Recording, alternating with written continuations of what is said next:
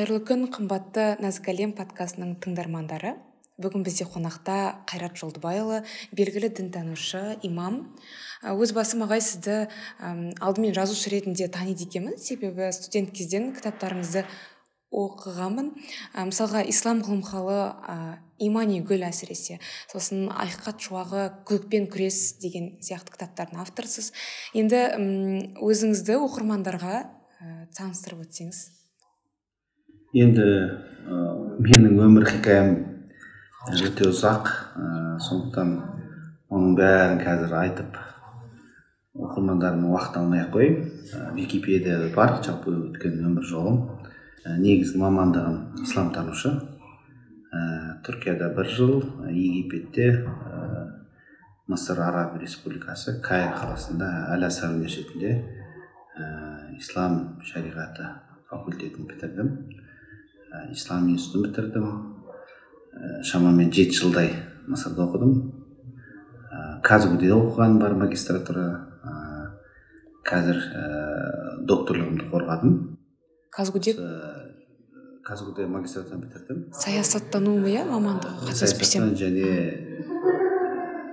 философия. Сол жерде бітірдім. Хадис ханафи хадистану бойынша докторлығымды қорғадым. Екі мың он жетіде.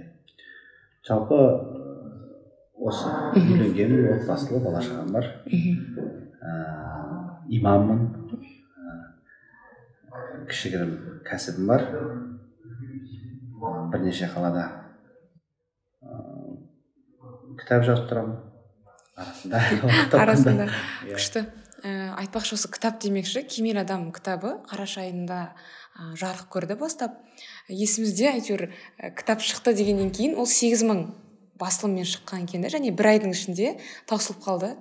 Біз кітап алда ә, жұмыс жасаймыз сол кезде іздеп келеді кітап жоқ бір кезде. Содан кейін бір айға жетер жетпес уақытында бұл тираж бітіп қалды. Одан кейін біз екінші басылым жарық көрді он мың тиражбен.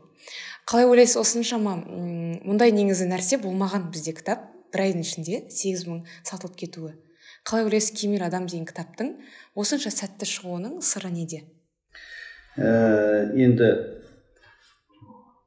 меніңше бұның ә, басты ерекшелігі біздің енді осы уақытқа дейін осы салада қызмет етіп келе жатырмыз қаншама кітаптарымыз шықты. Ә, сосын кітап шыққанға дейін мен ә, осы кемел адам кітап жазып жатырмын деп инстаграмда фейсбукта үзінділерін жариялап тұрдым. Ә, соның да көп әсері болды деп ойлаймын. Сосын кемел адам деген тақырыптың өзі өте ауқымды ә, тартып тұр. Ә, осы бүкіл факторлар қосылды деп ойлаймын. Ә, енді мысалға мен президент ә, мемлекет басшысының оқитынын ойлаған жоқпын. Ол жоспарда болған жоқ. Оны енді өтініш жасап та өйтіп дүйім жұрттың алдында ол кісінің ә, бағасын ала алмайсың ғой. Сан жұмысы бар қаншама кітап бар. Президент көмекшісі ерлан карим мырза. Сол менің стористерімді көріп жүретін ә, посттарымды ә, сосын бір күні хабарласып маған қайрат сен көп жазып кеттің ғой кітапты. Ә, бәріміз күтіп жүрміз деді. Міне баспаға кетіп бара жатыр дедім. Сөйтіп қарбалас болып баспадан шыққаннан кейін оқырмандармен кездесіп жатырмын ұмытып кеттім мен ол кісіге жіберуді. Ә, сөйтіп өзі көмекшісін жіберіп алдырып алыпты. Екі данасын алдырып ә, танысып кітаппен бірнеше күн. Өз сторисінде бөлісті осындай кітап қолыма түсті ә, деп содан кейін президентке кіргізіпті маған айтты президент кіргізейін деп жатырмын деп енді кітаптар кіре береді ғой президенттің алдына мен өзімді алдында кітаптар бергенмін деген сияқты. А бұл жолы кітапқа президент өзі ерекше назар аударып ә, оқып шығыпты мен айтамын ғой енді ол кісі саған жұмыс бар оқып үлгерді ма десем ол кісі тез оқиды. Және біз жаңағы ә, қағаз алдына ә, жаңағы мәтінді біз толық бермейміз ол кісіге өйтіп. Мысалы оқымаған кітапқа біз қалай ә, кітапты оқып шықтым деп ол кісінің аузына сөз саламыз. Ол этикаға да қайшы нәрсе. Ә, сондықтан оқыдым десе ол оқып тұр. Оқығаннан кейін осылай қосып тұр докладына ә, ішіндегі дүниелер біздің халыққа керек болғаннан кейін ә, осындай арнайы ә, жаңағыдай өзінің баяндамасына қосты деп маған ә, ерлан қарин бір жолыққанда айтты соны. Мен жақында белгілі дін танушы ұлттық кеңестің мүшесі қайрат жолдыбайұлының кемел адам деген кітабын оқып шықтым. Жастарға өнегелі тәлім тәрбие беретін мұндай еңбектер елге қажет. Осындай кітаптарды кеңінен таратуымыз керек. Бізде ұшқыр ойлы жастар аз емес. Билік оларды қолдау керек. Оларға жан жақты жағдай жасауымыз қажет. Жалпы азаматтарымыздың ағартушылық жұмыспен көбірек айналысқаны жөн. Ел бірлігі біздің баға жетпес байлығымыз. Енді бұның бәрі былайша айтқан кезде кітаптың кең таралуына насихатталуына септік дейді деп ойлаймын. Бірнеше фактор бар енді соның бәрі.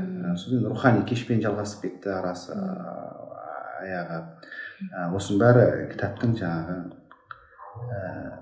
қалың тиражбен шығып таратылуына ықпал етті деп ойлаймын. Және ең бірінші фактор ықыластан сияқты иә?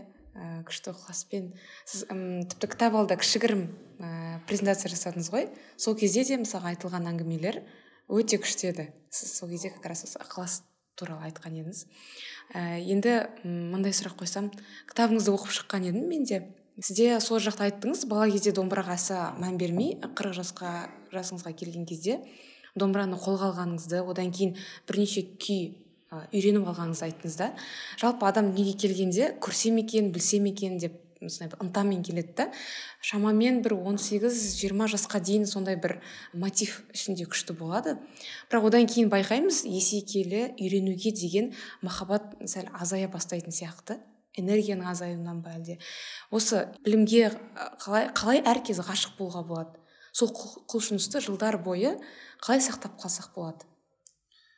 Ә, енді оны әр адамның табиғаты әртүрлі өскен ортасы әртүрлі ықпал ететін факторлар әртүрлі оған әр, әр адамға әртүрлі мүмкін ә, қызықтыру соны ояту ә, тетіктер керек шығар.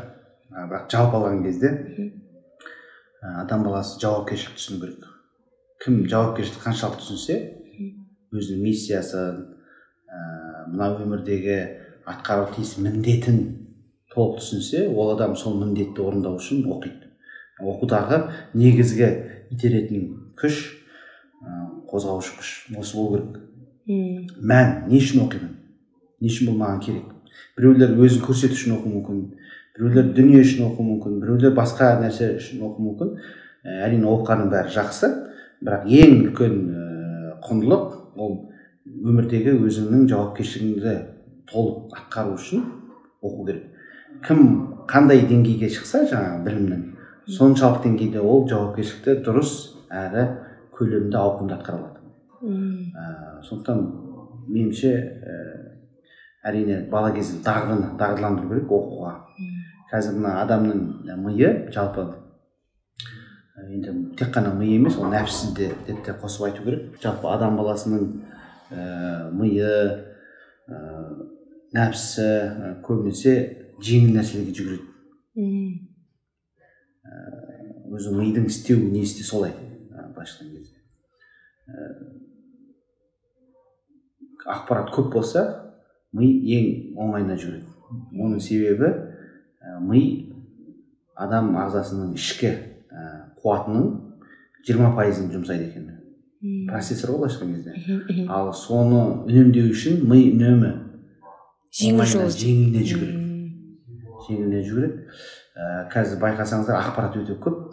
Мысалы бұрын екі сағаттық деректі фильмді ә, оп оңай көре беретін адам ә, әсіресе қазір жас буындар оған сабыр жетпейді. Неге? Өйткені ми жалқауланып алады оңай нәрсеге жүгіре береді.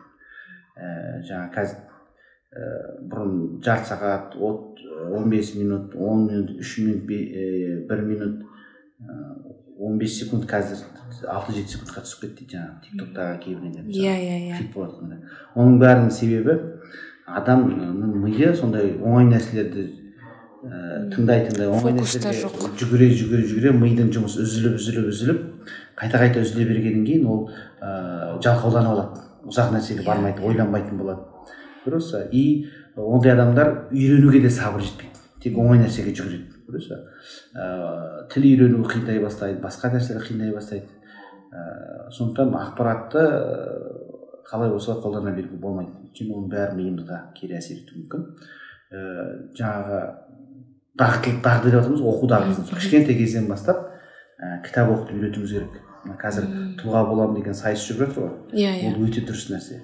Ә, біз егер балаларымызды сабырлы болсын десек байсалды болсын десек оқу дағдысын қалыптастырамыз десек кішкентай кезден бастап кітаптарды оқытып үйретуіміз керек. Ә, меніңше ә, жаңағы кішкентай кезден бастап та, жаңағы жауапкершілікпен қатар жауапкершілігін сезіндірумен қатар ә, оқу дағдысын түсіндіруіміз керек. Мысалы кейбір адамдар ұлғайғаннан кейін жауапкершілік сезіну мүмкін бірақ дағды болмағандықтан миы дайын болмағандықтан болмысы дайын болмағандықтан үйренбегендіктен жаттықпағандықтан ол адамдар үйрене алмайды сабырсыз. Өйткені ми жалқауланып кеткен паралич болып қалған ғой ешкімде иә иә. Сондықтан дағдыны кішкентай кішкентай кезден. күшті күшті жауап. Мхм. ә, сосын бір сіздердің сіздің мақалаңызды бірнеше мақалаңыз бар екен. Ә, соларды оқыдым. Сізден ал- алынған сұхбаттар яғни.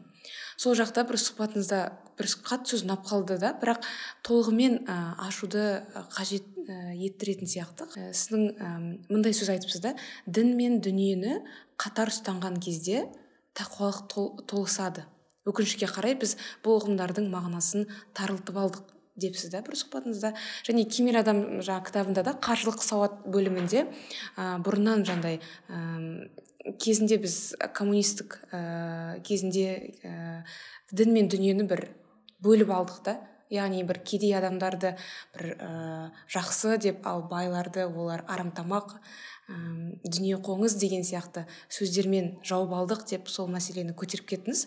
Ал мына жақта мысалға дүниені қатар мысалы дін түсінікті да мысалға дінді ұстасақ тақуалық екені. Бірақ дін мен дүниені қатар ұстанған кезде тақуалық толысады деген сөз сөйлемді ашып айта аламыз ба? Жалпы біз ә, тақуалық деген кезде ә, ораза намаз ә, мешіт сияқты дүниелер бірден ойымызға келеді. Зекет садақа деген сияқты. Біз соны тақуалық деп ойлаймыз және ә, бүкіл құлшылықты осымен шектеп тастағанбыз. Ә, шын мәнінде тақуалық ә, алланың ең әуелі бұйрықтарын орындау. Ә, аяттарын оқу. Дұрыс қой. Иә. Ал енді алла тағаланың аяттары ол тек қана құранда жазылған жоқ. Алланың екі кітабы бар деп мен үнемі айтамын. Ә, бір кітабы ол кәдімгі құран болса екіншісі мына ғалам атты бүкіл алып кітап. Бүкіл мына ғалам. Қаншама галактика бар қаншама жаратылыс бар қаншама ғаламдағы ә, заңдылықтар бар иә мысалы физикалық ә, астрономиялық геометриялық ә, солардың бәрін былай қараған кезде алла тағаланың қойған аяттары. М, заңдылық шеңберінде заңдылық негізінде қойған аяттары. Ә, біз құран дүрбісімен көзілдірігімен сол ғалам атты үлкен кітапты оқи білуіміз керек. Сондай бір саяхатқа шығуымыз керек. Әрбір жаратылыстағы алла тағаланың аяттарын оқыған сайын біз алланы тереңнен түсінеміз құдіретін сезінеміз және сол аяттарды дұрыс жолға қолдану арқылы біз адамзатқа қызмет етеміз. Ал адамзатқа қызмет ету ол ең үлкен тақуалық сондықтан тақуалық толысу үшін біз құлшылық ұғымын тақуалық ұғымын ауқымын кеңейтуіміз керек. Ә, біз мысалға мен ә, мың мешіт салғаннан мхм. бір насар сияқты зерттеу орталығын ашқанды сауаптырақ санаймын. Ә, жүз медресе салғаннан ә, бір голливуд сияқты өнер ә, ордасын жасағанды мына заманда үлкен құлшылық ретінде бағалаймын. Ә, өйткені оның ауқымы да атқаратын миссиясы да өте көп үлкен ықпалды. Және адамзатқа көбірек пайдасы тиеді. Ә, бұл енді мешіттің медресесінің қадір қасиетін кетіру немесе кішірейту үшін айтып отырған жоқпын. Ә, бәлкім ә, біздің ә, үмбеттің ғалымдардың басшылардың назарын ә, сауаптырақ іске көп мән бере бермейтін ә, игі жұмыстарға ауқымды жұмыстарға назарын аударған болып отыр. Түсінікті. Рахмет. Ә, енді келесі сұрақ ә, мен телеграм каналымда жазған едім. Қайрат ағайға қандай сұрақтарыңыз бар? Алла қаласа шақырамын деген сияқты. Сол кезде оқырмандардан бірнеше сұрақтар келді. Ә, және мындай сұрақ бар. Ә, мысалға қазіргі ә, заманда бір соңғы бес жылдықта дейікші иә? Танымал адамдар блогерлар жалпы діни контент жасап бастады. Өте күшті. Олар кәдімгідей ықпалды. Ә, тағы да мен түсіріп жатқан жоқпын. Бірақ имамдарға қарағанда ә, осы танымал адамдар блогерлер ә, адамдарға көбірек қарапайым халыққа көбірек әсер етіп жатқан сияқты да. Ә, және мындай сұрақ қойыпты. Қазақ қоғамының руханиятында қандай даму күтіп тұр деп ойлайсыз деген сұрақ қойыпты. Жалпы кемел адам ә, кітабын ә, жазудағы мақсат та осы болды. Өйткені тұлғалық дамуға байланысты жан жақты жетілуге рухани кемелденуге байланысты ә, әртүрлі блогерлер ә, менторлар коучтар әңгіме айтты әңгіме айтып жүр дәріс беріп жүр ә, жүйелі түрде сабақ беріп жатты. Бірақ ә, олардың айтып жатқан дүниелерінің ә, ішінде дін мазмұны болды.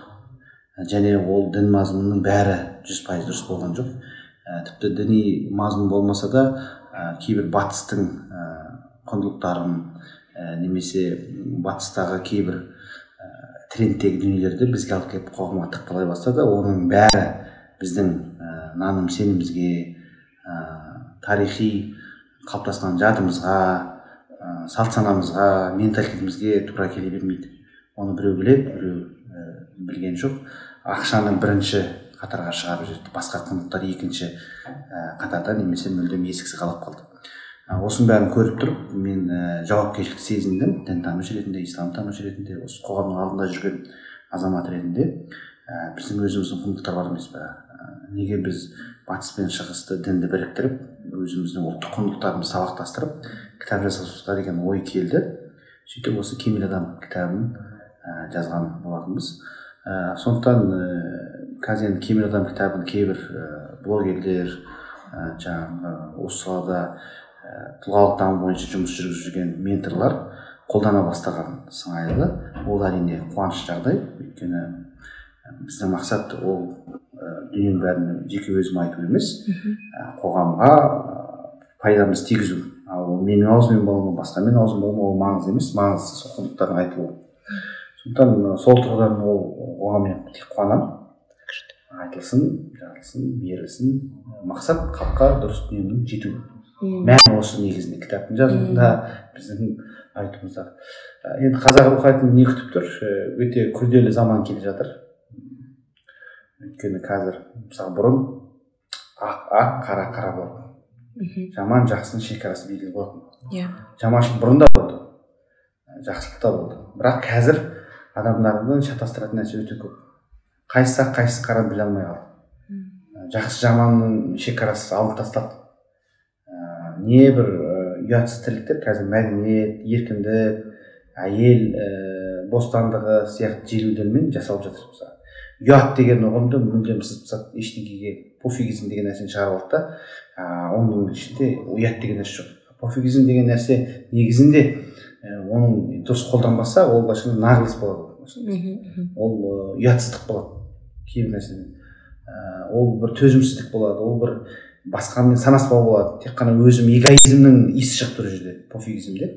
Ә, сондықтан иә мән бермеу керек өз құндылығымен өмір сүру керек. Бірақ егер сенің ә, жаңағы құндылық деген санаған нәрселерің басқаларға көлеңке түсіріп тұрса ә, басқалардың ойын бұзып тұрса басқалардың шекарасынан өтіп тұрса ә, қоғамға кері әсер етіп жатса сосын жалпы сенің өзіңнің құндылығың деп жүрген нәрсең шынымен де бәрі қабылдаған құндылық па? Жоқ әлде ол сенің эгоизмнен шыққан дүние ма а біз әйтеуір өзім істесем болды ешкімге қысылудың керегі жоқ қымтырудың керегі жоқ ұялудың керегі жоқ сен өзің білген дұрыс деп білген нәрсеңді істей бер деген сияқты нәрсені айтамыз. А бірақ бір ә, сол істеп жүрген нәрсең шынымен де дұрыс па дұрыс емес басқа адамдардың біз ә, көңіліне тиіп жатқан жоқпыз ба құқығын таптап жатқан жоқпыз ба шекарасын өтіп кеткен жоқпыз ба деген мәселелер де көп айтылмайды. Ә, сондықтан ә, руханият әлемінде жалпы адамзатқа қауіп өте көп.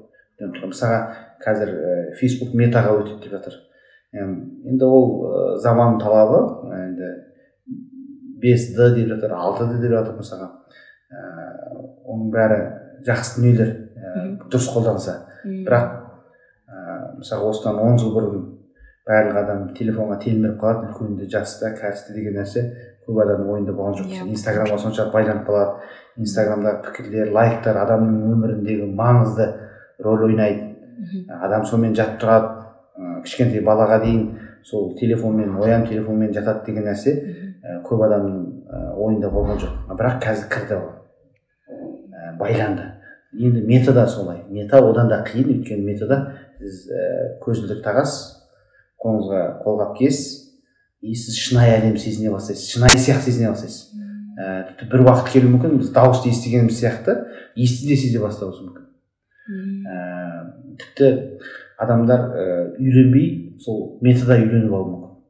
Өздеріне бір виртуальный әлем әлем. шынайы әлем сияқты сезініп ә, сөйтіп өздері қалаған баласын жасау қалаған атақ қалаған герой геро- героизм бір ойындарға кіріп кетеді. Былайша айтқан кезде шынайы әлемнен сіз ә, виртуаль әлемде жүресіз бірақ сол әлемнен шыққыңыз келмей ләззат алатын жағдайда боласыз мысалы ә, ол жастар үйленбейтіндей жағдайға келуі мүмкін ә, көп мына шынайы әлемде материалдық дүниенің ешқайсысы керек емес сол әлемде бір иә көзі көрмейтін әлемде жалған әлемде батыр болып қаһарман болып сол әлемнің былайша айтқан кезде құрбаны болып кетуі мүмкін жастар шықпайды енді мысалы қазір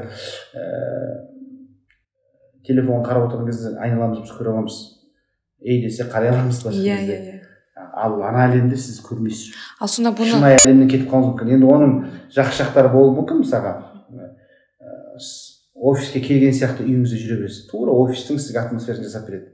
Кәдімгі амандасасыз сезінесіз жүресіз былайша айтқан кезде. Отырасыз тыңдайсыз. Кәдімгі мысалға зуммен сіз видеоны қарап көресіз ғой. Ал енді метада сіз жаңағы бес тінің ішіне кіргізіп жібереді. Болды. Сіз кәдімгі сезінесіз оны. Офистамын офиста сияқты сезінесіз. Оқуды мұғалімді естіп тұрған сияқты көріп тұрған сияқты жағдайда боласыз кәдімгі бірге жүрген сияқты. Ондай кішкене жеңілдететін дүниелер болуы мүмкін. Ал бірақ барлығы ондай болмайды. Шынайы өмірден алыстататын дүниелер көп болады. Неше түрлі ойындар болады ертең. Ә, контенттердің көбі бізге зиянды болуы мүмкін. Біз шынайы өмірде ұрысудың өзін армандап қалуымыз мүмкін ертең. Шынайы ұрысайықшы осы деген сияқты. Дұрыс па? Сондықтан ә, руханият әлемі ә, өте үлкен күрделі жағдайды бастан кешіруде әлі де кешіреді. Ә, құндылықтардың ә, алмасуы өзгеруі адам санасының улануы немесе басқашалануы келе жатыр. Және қарқынды түрде келе жатыр. Мгм. бес он жылда ә, шынайы әлем бізге елес болып қалуы мүмкін. Сондықтан ә, қазірден бастап оған дайындалуымыз керек. Мысалы метаның өзіне ә, контент дайындау дұрыс контенттер шынайы өмірдің құндылықтарын ол жаққа кірсе де сезіне алатындай оның жалған екенін түсіне алатындай бір мәдениет қалыптасу керек. Даже енді мектепте осы ғаламторды пайдаланудың мәдениетін үйретуіміз керек. Ә, мысалы дастархан басында телефон шұқыламау ә, біреумен сөйлесіп отырған телефонға қарамау ә, біз енді бір жерде отырып жұмысымызды істей береміз саған. Ол да дұрыс емес.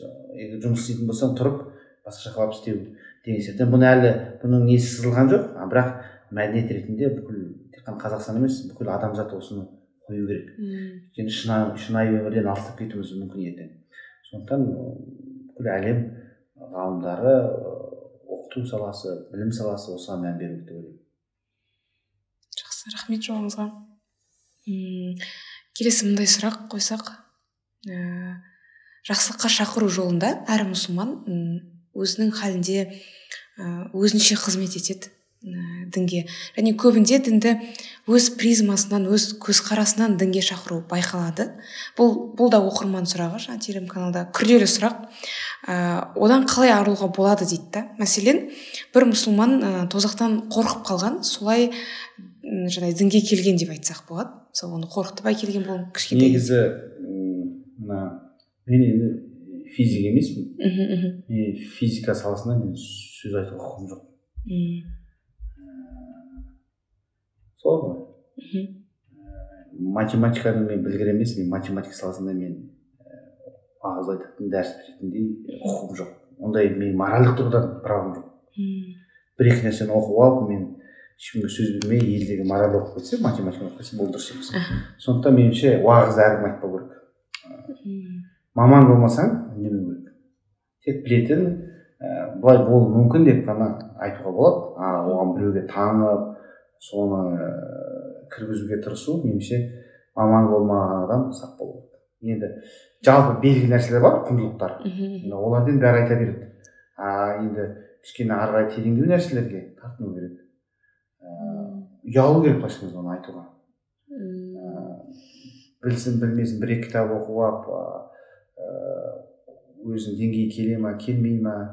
мысалға кейбір кісілер мынандай ыыы зікірді дұрыс санамаған мысалға. Ііі ля иляха илlallah мәфи қалби ғайруллах дейді мысалы.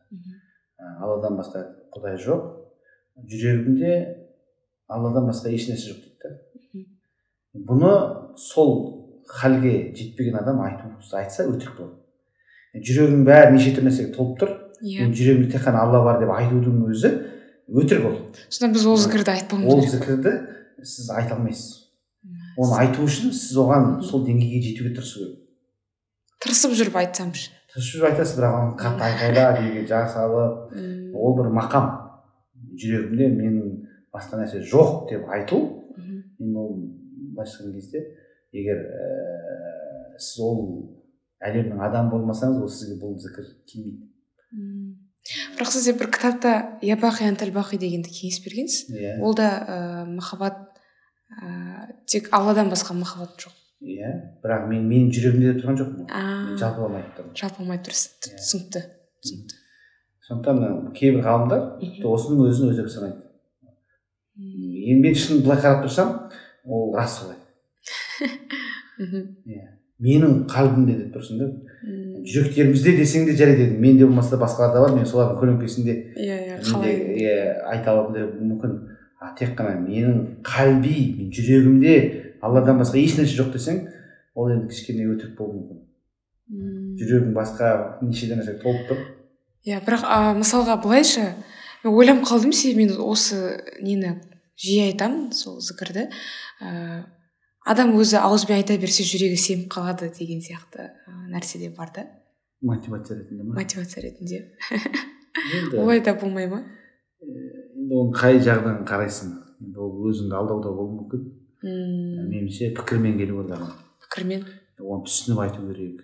Мм, ә, сен просто сөзбен оған келмейсіз егер ішінде пікір болмаса тәфәккүр болмаса соған өзіңізді айта жүріп жаттықтырмасаңыз жай ғана қайталаумен ол Сөнбейді, орнықпай- иә. орнықпайды. Сіз ол уақытта не істеп жатсыз деген ә, сұрақты өзіңізге қоймайынша ә, сол бағытта басқа жұмыстарыңыз болмайынша тек қана тілмен ол орнықпайды иә иә түсінікті. Жақсы сонда келесі сұраққа кө- көше берейік. Ә, қазір рухани һәм діни кітаптар өте көп та. Және оны жазушылар да біз мән бере бермейміз. Мысалға бұл қандай ә, университет қандай жерді бітірді екен деген сияқты. Сонда біз осы рухани әде- әдебиетті таңдауда қандай критерий критерийлер қойсақ болады? Енді шыны керек оған критерий қойып сіз ә, бір жерге бара алмайсыз. Нақты өлшемін айту қиын өйткені сіз маман емессіз дін деген өте нәзік нәрсе. Мына критерийлерді қойсаң адаспайсың деген сияқты. Сондықтан ә, сараптау бар сондықтан экспертиза бар сондықтан ә, жаңағыдай мемлекетте ә, арнайы сараптау бөлімі бар. Ә, меніңше сол сараптаудан өткен дүниелерді оқуға тырысу керек және мамандардан сұрау керек. Мына кітап қалай деген сияқты. Ал енді жалпы ондай ыңғай келмесе ііі енді жі- діннің негізгі қағидаларын білу керек. Діннің негізгі өзімізде бір фильтр болатындай иә иә. фильтр болатындай негізгі қағидалар қалыптасу керек. Мысалға ыыы дінді монополизмге айналдырмау басқаларды қатты сынай бермеу М, ыыы сол жаңағы діннің рухын түсіну керек негізгі кесе кесе қағидаларын білу керек. М, ыыы мысалға алладан басқа құдай жоқ мысалы біздің құндылықтарымыз адал арам мысалға бар ғой негізгі қағидалар солар сол фильтрлер болу керек. А күмән нәрсе болса сұрау керек мамандардан. Бірақ дін өте нәзік нәрсе. Ә, ол кез келген адам дәлелді қалай қолданады қай қырынан қолданады м, ә, мысалы неше түрлі ағым бар олардың бәрі құранды хадисті қолдануға тырысады. Бірақ өздерінше тәпсірлейді.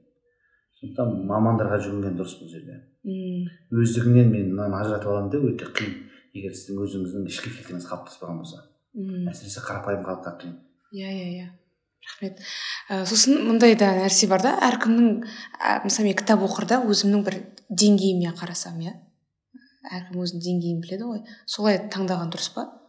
Мысалы барлық кітаптар тұр ә, діни басқармадан өткен оң сараптамасын алған. Өзіңіз көңіліңіз қай тартады Мм. қайсысын қажет деп санайсыз соны қарау керек бір тақыр өз өзі витамин сияқты сіз тарту керек кітап. А мына кітап маған келеді екен мен тақырыбы болуы мүмкін мазмұны болуы мүмкін. Мазмұны. Іш- ішкі қызығушылық тартуы мүмкін. Мхм. Сондықтан ы, бұны мына кітапты оқы мына кітапты оқыма деп айта емес сіз қайсысын қажетсініп тұрсыз мазмұнына қарап. Мм.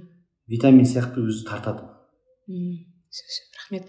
Ә, ендігі әңгімені жалпы қыз бала тәрбиесінен бұрсақ негізі бізде нәзік әлем деген подкаст ә, қыз балалардың рухани және м, тұлғалық дамуына арналған. Қыз балаларға. Одан сол үшін де келесі сұрақтар ә, сондай ә, мотив сондай неде болып кетеді. Ә, бірінші сұрақ бұл да оқырман сұрағы. Ә, алып анадан туады деуші еді. Ә, осы жүріп өткен өмір жолыңызға ә, еңбек тарихыңызға ерекше үлес қосқан анаңыз берген тәрбиенің ә, қай тұстары біздің қазақтың әрбір қызында болса екен деп ә, ниет етесіз? Ы, біріншіден дұға тілек. Ата ананың дұға баласына беретін дұға тілек игі батасы ол маңызды. Батасын алуға тырысу керек. Бұл хадисте де бар басқа құранның аяттарынан да сондай мағынада нелер шығаруға болады жалпы ата ананың разылығы деп жатамыз ғой сол бата күйінде тілек күйінде болу керек. Қандай жағдай болса да сол кісілердің ризашылығын алу керек бірінші кезекте. Ііі екінші біз анамыздан көрген нәрсе өте қанағатшыл дүние қоңыз емес ыыы бұл да өте маңызды бір құндылық деп ойлаймын. Басқаларға жәрдем беруге тырысу басқаларға жан ашу ыыы енді қалған дүниелер өзі жол жүрген кезде өзі қалыптасады жол жүрген кезде ә, сапарға шыққан кезде осындай үлкен өзі ақырын ақырын өмір жолы сізді алып келеді кемелденуге анам кітапты көп оқитын еді ғылымның ғашығы еді ііі былай деп ақыл айтты деп мен өтірік айтпай ақ қояйын. Анам қарапайым ауылдың қазақ отбасындағы шаруа тірлігінде жүрген әйел. Он баланы асырады тәрбиеледі. Бірақ олардан көрген бір нәрсем адалдықты ешқашан аттаған жоқ. Жылы сөз дұға тілек осы көргеніміз. Мен ойлаймын сол кісілердің бізді қолдауы мысалға мен 14 жасымда шетелге шыққан кезде ә, жібермей қоюы да мүмкін еді. Бірақ ә, менің бағымды байламай ә, алдыда қандай қауіп қатер күтіп тұрғанын білмейді. Алыс қанша жыл шетелде жүрдік болса соған қарамастан сол сағыныштарын қиып уайымдарын ә, қиып бізді шетелге жіберді күшті күшті. Рахмет. Ә, келесі сұрақ мындай қыз бала тұрмысқа шыққанға дейін нені білген абзал ә, тұрмыстан кейін нені білгені абзал деп сұрақ қойыпты. Жалпы қыз бала қандай болу керек? Болашақ ана ретінде алдыңғы шепте тұруы керек қандай қасиеттері бар? Енді қазір мына қазіргі ғасыр эгоизм ғасыры. Әрқайсысы жеке дара тұлға болғысы келеді. Ә, мен деген нәрсенің өсіп тұрған заманы әртүрлі немен. Ә, сөз кішіпейіл болуы мүмкін бірақ ішкі жан дүниесі бірақ мен де ұмытылып тұрған бір заман. Жаңағы бұған енді ер мен әйел тең деп ұрандату сенің қай жерің кем деген сияқты ә, қолтығына су бүркейтін әңгімелер мүмкін қазақ әйелінің ә, кейбір ә, қате әрекеттерге барған себепкер болып жатыр деп ойлаймын. Әрине ер азаматтар да толыққанды өзінің жауапкершілігін сезініп ә, жаңағыдай әйел баласының ә, жақсы жетістікке жетуіне ә, қолдау көрсете алмай отырған жақтар да бар. Көлеңке түсіп ажырасу өте көп. Оған тек қана әйел кінәлап жатады меніңше оған ер азаматтар да кінәлі. Ә, сондықтан бір сөзбен ә, айтқан кезде қыз баласы кішірейе білу керек. Оның болмысы табиғаты ә, осыны талап етеді. Ә, ана болу оңай емес. Мысалға ескі мен ә, жаңаның қазір шиеленісіп қақтығып жатқан заман мысалы енеңіз ескі адам ә, жаңа түскен келіннің көзқарастары басқа. Ә, заман талабы бар басқа бар деген сияқты. Енді енемдікі дұрыс емес екен деп өзіңнің праваңды қорғап ә, қарсы шаба беруде ол сыртқа қараған кезде ол дұрыс емес. Көп жағдайда конфликтке келеді. Ер адам әйелі мен анасының ортасында қалып қалады ә, сосын былай барайын десе анасы былай барайын десе бала шағасы деген сияқты депрессияға түсіп кетеді сондықтан меніңше менікі дұрыс екен деп шаба бермей ә, қазіргі қыздар ә, адамдармен өмір сүруді гибкость дейді ғой жаңағындай. Иә. Айналып өтіп кетуді бұғып қалуды встречный келсе сен встречный келу шарт емес. Ә, сен өзіңнің дұрыстығыңды ол үлкен кісіге дәлелдеуге міндетті емессің. Сен кішірей сал кішірей сал айналып өтіп кет. Басқа бір жолдарды тап мәмілегерлік ә, нені қарым қатынасты құр деген сияқты. Ә, менікі ғана дұрыс деп ә, шаба берсең ә, шын кезде ә, ертең оның ә, салдары ажырасуға әкеліп тіреуі мүмкін. Сондықтан әйел баласы ең бірінші білімді болу керек. Ыыы байсалды болу керек кідіріс деп атаймыз ғой. Эмоциясына ие болу. Мына қыз балалардың эмоциясы ер балаларға қарағанда неше есе? Алты есе көп. Ііі алты есе ма? Иә сөйтіп айтты сезімдер алты есе көп мысалы иә. Ә, демек алты есе сіз өзіңізді байсалды болуға тәрбиелеуіңіз керек өйткені өте көп шеш, қате шешімдер эмоционалды кезде болады. Ал эмоция тұрған кезде ақыл жұмыс істемейді. Сондықтан абай ә, ақыл қайрат жүректі бірдей ұста бірдей ұста дейді біреуі болмаса сен жарымайсың дейді. То есть сен дұрыс шешім шығара алмайсың дейді. Сондықтан қыз балаларға мен байсалды болуды айтар едім. Кішіреюді бір екі байсалды болудың тренировкасын жаттығуларын жасау керек ә, әсіресе кризис кезінде қатты сезімге беріліп кетеді. Өздеріне ие бола алмай қалады. Басқа уақытта оны ақылмен шешу мүмкін ана жерде ақыл тұмшаланып қалады болды. Нұрлы ақыл емес суық ақыл болып кетеді немесе мүлдем жұмыс істемейтін ақыл болады сондықтан қыз бала бірінші кішірею керек. Байсалдыққа өздерін тәрбиелеу керек сосын білімді болу керек. Осы үшеуі біріксе мен ойлаймын. Жақсы болады енді ол имандық жағы рухани интеллект ол ә, барлық салада керек. Ол міндетті түрде шарт қой. Ыыы дәл осыны үйленгеннен кейін жалғастыру керек. Ә, дұрыс. Енді уже үйленгеннен кейін жауапкершілік көбейеді. Мысалы бұрын жеке өзіне ғана қарап жүрген қыз бала енді баласына қарау керек күйеуіне қарау керек қонағына қарау керек. сөйтіп жүріп бір жақсы нәрсе істеу керек. Және бұны істеп жатқан кезде бізде үлкен құндық бар сауап деген нәрсе. Мысалы басқа мәдениеттерде сауап деген нәрсе жоқ болуы мүмкін. Міндет деген нәрсе жоқ болуы мүмкін. Оны қалай мен қай жерім кем ол істеген жұмыс мен де жұмыс істеп жатырмын үшін мен бала бағып жатырмын тамақ жасап жатырмын деп міндеттей бастаса адам Мхм. оны бір артық нәрсе ретінде ол кезде проблемалар сол жерден басталады. Сондықтан әйел баласы ол істерді алла ризалығы үшін істеп жатырмын. ыыы игі істеп жатырмын деп істеген кезде міндетсінбей. Мен істеуге міндеттімін мына дүниеде осы арқылы біздің ошақтың түтіні түзу шығады. Ә, отбасымызға осы арқылы жылу кіреді. Ә, мен осы жерде кішіреюім керек.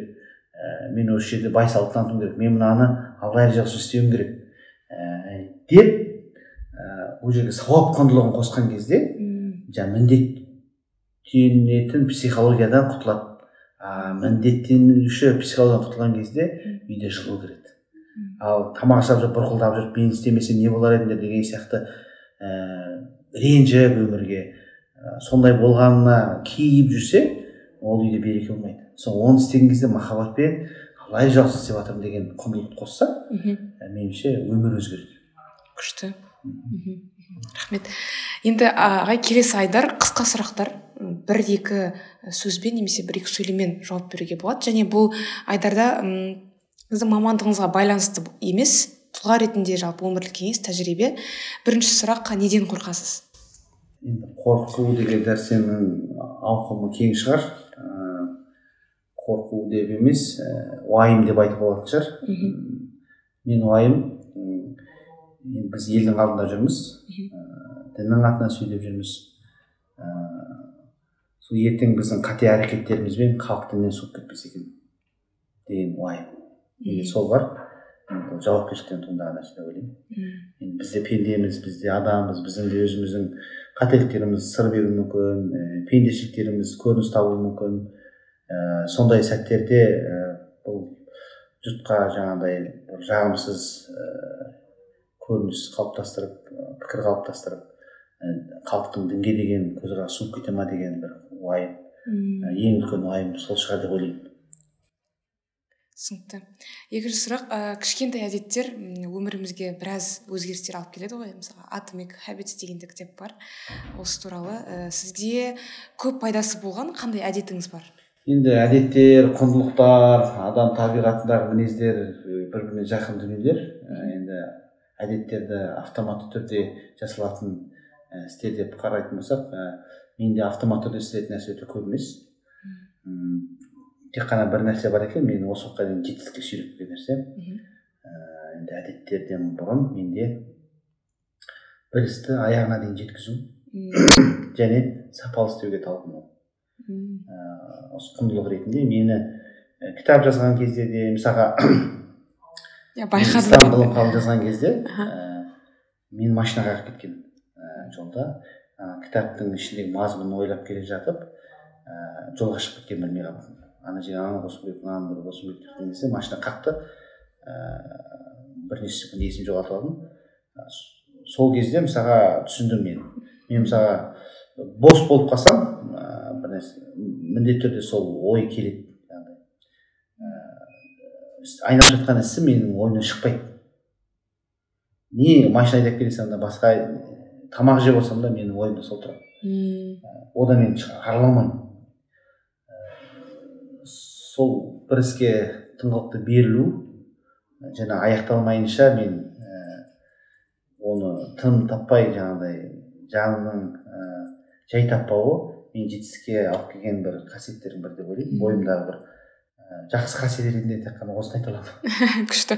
Максималист сізге тапсырғансыз ба сол жақта? Сол бірінші орында максималист деп айтуға болатын шығар. Енді бірақ ә, қалай айтсам? Ә, нәтижеге жұмыс істеу. Ә, сосын енді кейде болады максималисттер ә, ең қате нәрсесі ә, кейде сол максималды нәрсені істеймін деп түк істемейді. Ә, бастамайды істі немесе иә бастамайды. Иә. Көңілі толмайды ешқашан иә иә ол да бір қате нәрсе. Ә, менде ол жоқ. Ә, мен ә, істей алатын көзім жесе бастай беремін. күшті күшті. Одан кейін мындай сұрақ. Ә, басында ұнамсыз көрінгенмен нәтижесі сіз үшін қайырлы болған бір оқиға? Енді ұзақ әңгіме. Ііі ондай өмірде өте көп. Көп иә иә. бірақ бір ғана нәрсесін айтайын мен ыыы египетте жүрген кезде ыыы жаңағы ауызша емтиханнан өте алмай қалдым сонша дайындалғанға қарамастан бүкіл сұрақтарға жауап бергенге қарамастан ыыы кейіннен мен өте алмай қалсам мен шүкір намазын оқымаймын ба деп он рәкат шүкір намазын оқимын барымда. Өтсем оқитын едім сонда өтпей қалсам оқымаймын ба деп он рәкат шүкір намазын оқимын және ол емтихан сондай бір емтихан. Менің жеті жылыма әсер ететін емтихан. Жеті жыл мына әл асқар университеті өзі қызық университет. Ол сырттан шәкірт қабылдамайды олар. Оны мектептен бастап өзінің программасы бар бірінші класстан бастап. А біз енді мына жақтан тоғыз бітіріп барғанбыз. Оларға біздің неміз сәйкес келмейді жаңағы қабылдай берсе университетке өте алмаймыз. Мектепке де оқи алмаймыз. сөйтіп бізге емтихан тапсыртады сол ә, сол емтихан біздің жеті жылымызға әсер ететін емтихан. Ә, сондай емтихан мен ауызшасынан мені тастады хотя мен көп дайындалдым және сұрақтардың бәріне жауап бердім. Ыыы содан кейін мен кішкене көңілім ііі су сепкендей басылды су сепкендей басылды. Сөйтіп ойландым да мен айттым шүкір намазын оқиын. Бір хикметі бар шығар деп мен он рәкат намаз оқимын әлі есімде. Сосын кейін апелляцияға берейік дейді. Сосын айтамын керек емес деймін өйткені қаншама студенттер бар оның бәрін кімнің хатын қарап отырады дұрыс тапсырмадым әділ болмайды дегенге сөйтіп мен ііі айтамын керек емес деймін бірақ бір кісілер ііі аты жөнін жазып менің атымнан береді мен қол қойып беремін. Кейін олар қабылдайды. Сөйтіп басында дұрыс емес кейін ііі снг да ешкім түспеген ііі сол ең биік деңгейге түсемін да. Жеті жылдық нені бір ақ аттап кетемін мен. Мәссаған ол ешқандай неде болмаған. Тарихта болмаған. Қазақстан тарихында болмаған.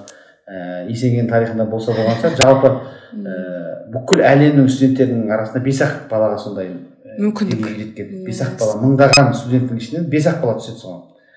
Ә, сол кезде ойлаймын мен мысалы басында бір хайыр сияқты болды түспей қалдым. Бірақ кейіннен ә, сондай бір күшті. Біз әдетте бір шынымен менде андай бір күшті нәрсе болса шүкір намазын оқимын деймін да. Оқимын егер болса болмаса оқымаймыз да.